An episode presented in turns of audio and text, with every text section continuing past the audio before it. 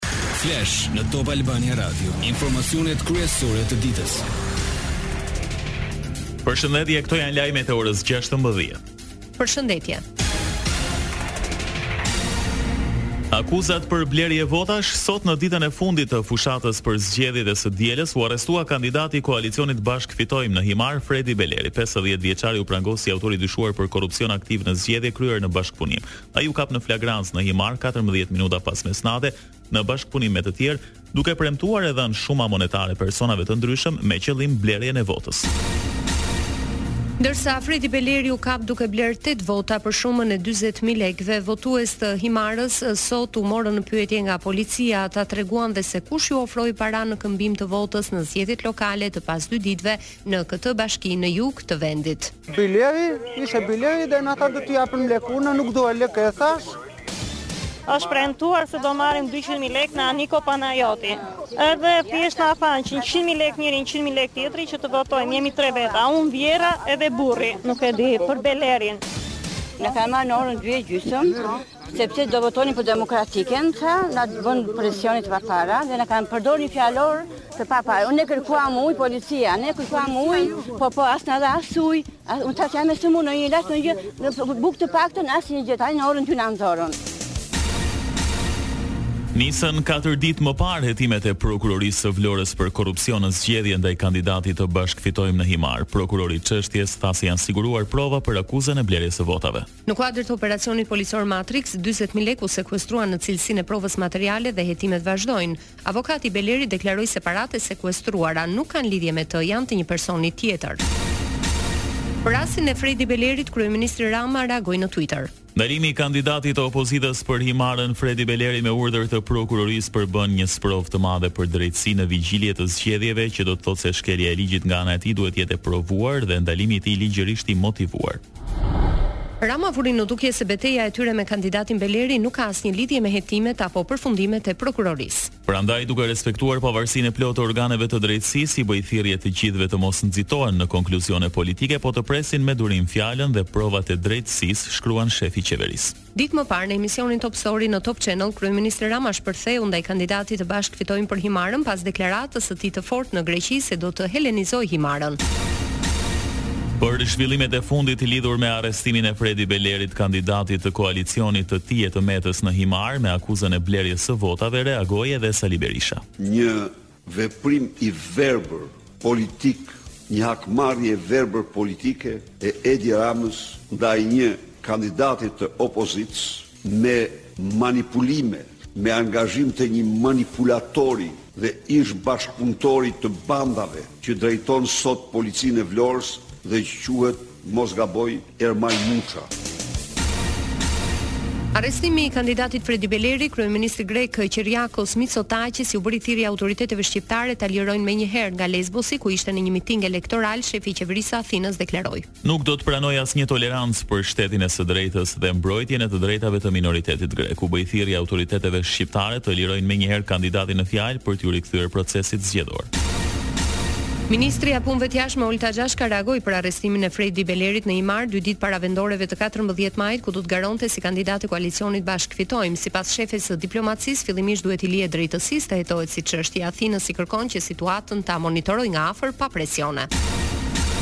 Konstantina Kamitsi, ambasadorja greke në Shqipëri, shkoi sot në Policinë e Vlorës, ku u arrestua kandidati Fredi Beleri. Kamitsi u paraqit në drejtorinë e policisë për të pyetur mbi gjendjen e të ndaluarit pasi pesëdhjetë vjeçari është qytetar grek. Lajmet në internet në adresën www.topalbaniaradio.com. Drejtori i Departamentit për Rendin dhe Sigurinë Publike në Policinë e Shtetit, Rebani Jaupi, publikoi masat për garantimin e rendit e të sigurisë publike gjatë procesit zgjedhor. Mbi shtatë mijë e pesëqind punonjës të trajnuar do të angazhohen me detyra duke filluar nga niveli bazë i veprimit policor. Janë më shumë se pesë mijë qendra votimi dhe nëntëdhjetë e dy KZAZ. Zgjedhjet vendore dy mijë e njëzet e tre, Shqipëria voton! Nga Puka, kryesocialisti Rama lëshoi akuza të forta për kandidatin e koalicionit Bashkë Fitojmë. Që kur thotë do bëj njëqind pallate n'Pukë, çdo pukjan edhe ai më i djathti duhet t'i vejë vizën. Jo vizën ke fleta e votimit, larg qoftë. Po kryqin, kryqin si person. Ç'është ky që vjen këtu thotë do bëj njëqind pallate? Çka janë këta? A e kuptoni se këta nuk meritojnë as minimumin e vëmendjes e jo më respekt? Do bëj njëqind pallate? Po atë bandit, djalin e gjykatësit, Të larguar nga vetingu për korrupsion. Që vjen këtu dhe nxjerr armë në Pukë. Çfarë e kanë atë? Ndërtuesin e ardhshëm të pallateve. Edi Rama kishte edhe një leksion për opozitën si mund të fitojë përballë Partisë Socialiste. Çfarë po i bëjmë ne opozitës? Përveç se po bëjmë detyrën, po e mundim sa herë na del përpara, se ç't'i bën. Por ama kush e ndjek pak ose kush e ka ndjek Politikën unë jua kam thënë që në 2013, që në 2013, në 2013 unë dola në parlament për prezantu programin, ata kërkuan dorëheqjen e qeverisë në ditën e parë, seancën e parë, qeveria duhet dorëhiqet. I thashë shikoni këtu, në qoftë se ju do vazhdoni kështu, ju do jeni gjatë shumë aty ku jeni. Se do shkoni keq e më keq. Merrni more zotëri nxirrni mësim njëherë pse u mundët. Po je po vazhduat që ju fituat dhe po ne jua morëm, do ta humbni gjithmonë, se nuk funksionon kështu. Ne do t'jua nxjerrim mësimet atyre. Por ne le të rrinë atje se mirë janë. Ditën e fundit të fushatës, kandidati i Partisë Demokratike për Tiranën, Roland Bejko, ua kushtoi tregtarëve në zonën e medresesë me programin elektoral në duar dhe pa bërë shumë zhurmë, së bashku me ekipin elektoral, Bejko i fton kryeqytetasit të votojnë të dielën. Si jeni? Si kaluat? Ky është programi im, unë jam Roland Bejko, kandidat i PD-së. Të uroj gjithë të mirat. Faleminderit, rrofsh. Po të jap një program, shikojë një herë hidhi një sy, na qofsh mbarë. Puna është thënë, ç'e pyet, s'ka njerëz fare. S'ka lekë vëlla. I kanë marrë lekët, i kanë futur në xhep të gjithë dhe popullit i lëshojnë teatrin politik, vetë lekët në xhep. Ë, kështu është. Ç'të thotë puna? Është si e shkruaj thoj. Po, mbase ndryshojmë një çik. Ta provojmë edhe një herë. Teksa dëgjoi ankesat e tregtarëve, Roland Bejko u vuri në dukje atyre nevojën që ka Tirana për frymëmarrje. Je tamam, ti je tamam. Faleminderit, faleminderit, faleminderit. Si është sot puna? Vallai dobët. Dobët shumë. E shoh që s'ka njerëz në treg. Çfarë thonë, bosh pazari. Bosh fare. Janë 5000 tregtarë këtu edhe po, po, po, po. Shumë janë, po. Ti mirë ke qenë? Mirë, mirë. Ja vazhdojmë fushatën ditë e fundit. Uroj sukses. Faleminderit, rrofsh. Partia Demokratike pritet ta mbyllë pasdite fushatën zgjedhore me një takim të mbyllur. Ndërtimi i kullave në kryeqytet konsiderohet si thembra e Akilit e Bashkisë Tiranë nga rivalët e Erion Veliajt. Në ditën e fundit të fushatës, kandidati i koalicionit Bashkë Fitojmë Belind Këlliçi akuzoi kundërshtarin për standard të dyfishtë. Gjithë ato banorët në Tiranë, në qytet dhe në fshat, që më thonë Belin nuk hapim dot dritaret e shpisë, nuk rregullojmë dot avllinë, nuk rregullojmë dot çatinë, se vjen na ve gjobë policia bashkiake, kurse klientela e këtij urdhëron ça bon. Belind Këlliçi është kundër vendimit për shembjen e pallateve të vjetra mbi pesëdhjetë vjeçare. Domethënë sot të rrezikuar në Tiranë nuk janë më vetëm qytetarët që janë në proces legalizimi, por dhe autoktonët, edhe ata që i kanë apartamentet me letra të rregullta me certifikatë pronësie me hipotekë me të gjitha, vetëm për faktin se mund të banojnë në apartamente më të vjetra se pesëdhjetë vjeçare, rrezikojnë që Erion Veliaj t'i nxjerri nga shpia për t'i shem shpiat për t'i bo kulla betoni. Bëheni zgjedhjen vetë, katër ditë kanë ngel. Këlliçi u takua dhe me sipërmarrës në zonën e tregut Çam, ku dëgjoi shqetësimet e tyre.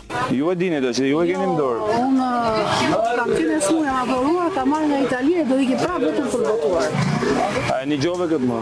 Të lutem zonjën. Vetëm për të votuar kam ardhë. Ka qenë e smur, ka ik thot në Itali, ka ardhë nga Italia vetëm për të votu. Do iki prapë në datën 22 vetëm për të votuar kam ardhë. Të gjithë ata që përtojnë me dal n'votim e kuptoni se ka njerëz që vijnë nga jashtë vetëm për të votu. Lajmet në internet në adresën www.topalbaniaradio.com.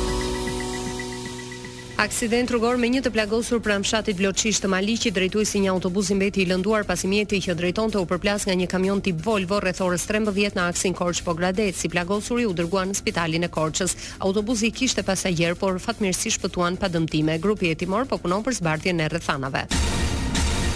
Një shtetas rus gjeti vdekjen në një aksident në Tiranë rreth mesnatës në zonën e Saukut. Në këtë aksident u përfshi një automjet i ambasadës së Rusisë. Te mbikalimi në Mjullë Bathore, makina u përplas me banderolën metalike, doli nga rruga dhe goditi bordurën. Viktimë mbeti një tridhjetë e gjashtë vjeçar rus, i cili udhëtonte si pasagjer. Drejtuesi i moshës tridhjetë vjeç ndodhet në spital. Shkak dyshohet shpejtësia e lartë e mjetit. Art dhe kulturë.